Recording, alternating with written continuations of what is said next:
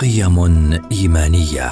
أخبرنا إياها رسولنا الكريم. نسلط الضوء عليها في برنامج نفحات إيمانية مع نسرين حمدان. برنامج نفحات إيمانية يأتيكم خلال شهر رمضان المبارك في مثل هذا الموعد عبر أجيال.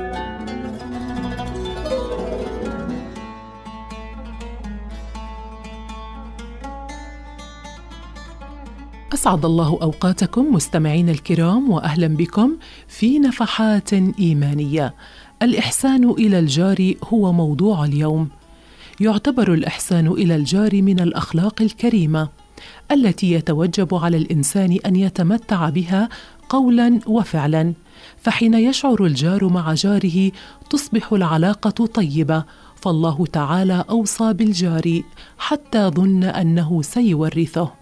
فإلقاء السلام وزيارة الجار في حال المرض والسعي وراء الإصلاح بين الجيران المتخاصمين وبعض الأمور العامة المعروفة هو أقل القليل. ومن هنا يتوجب على الجار أن يسعى إلى حل مشاكل جاره كما ينبغي له أن يقوم بحاجة أخيه بقدر استطاعته وذلك حتى يكون الله له عونا في حاجته. كما يتوجب على الجار أن يحسن الظن بجاره لأن إساءة الظن بالآخرين قد تؤدي إلى الحقد والكره بين الجيران. ومن حسن الجوار أيضا أن يصبر الجار على جاره المسيء والمعتدي فينصحه بالحسنى والكلمة الطيبة. وقد حذر الإسلام سيداتي وسادتي من إيذاء الجار ورد ذلك في الكثير من أحاديث الرسول صلى الله عليه وسلم. ومن ذلك من كان يؤمن بالله واليوم الآخر فلا يؤذي جاره.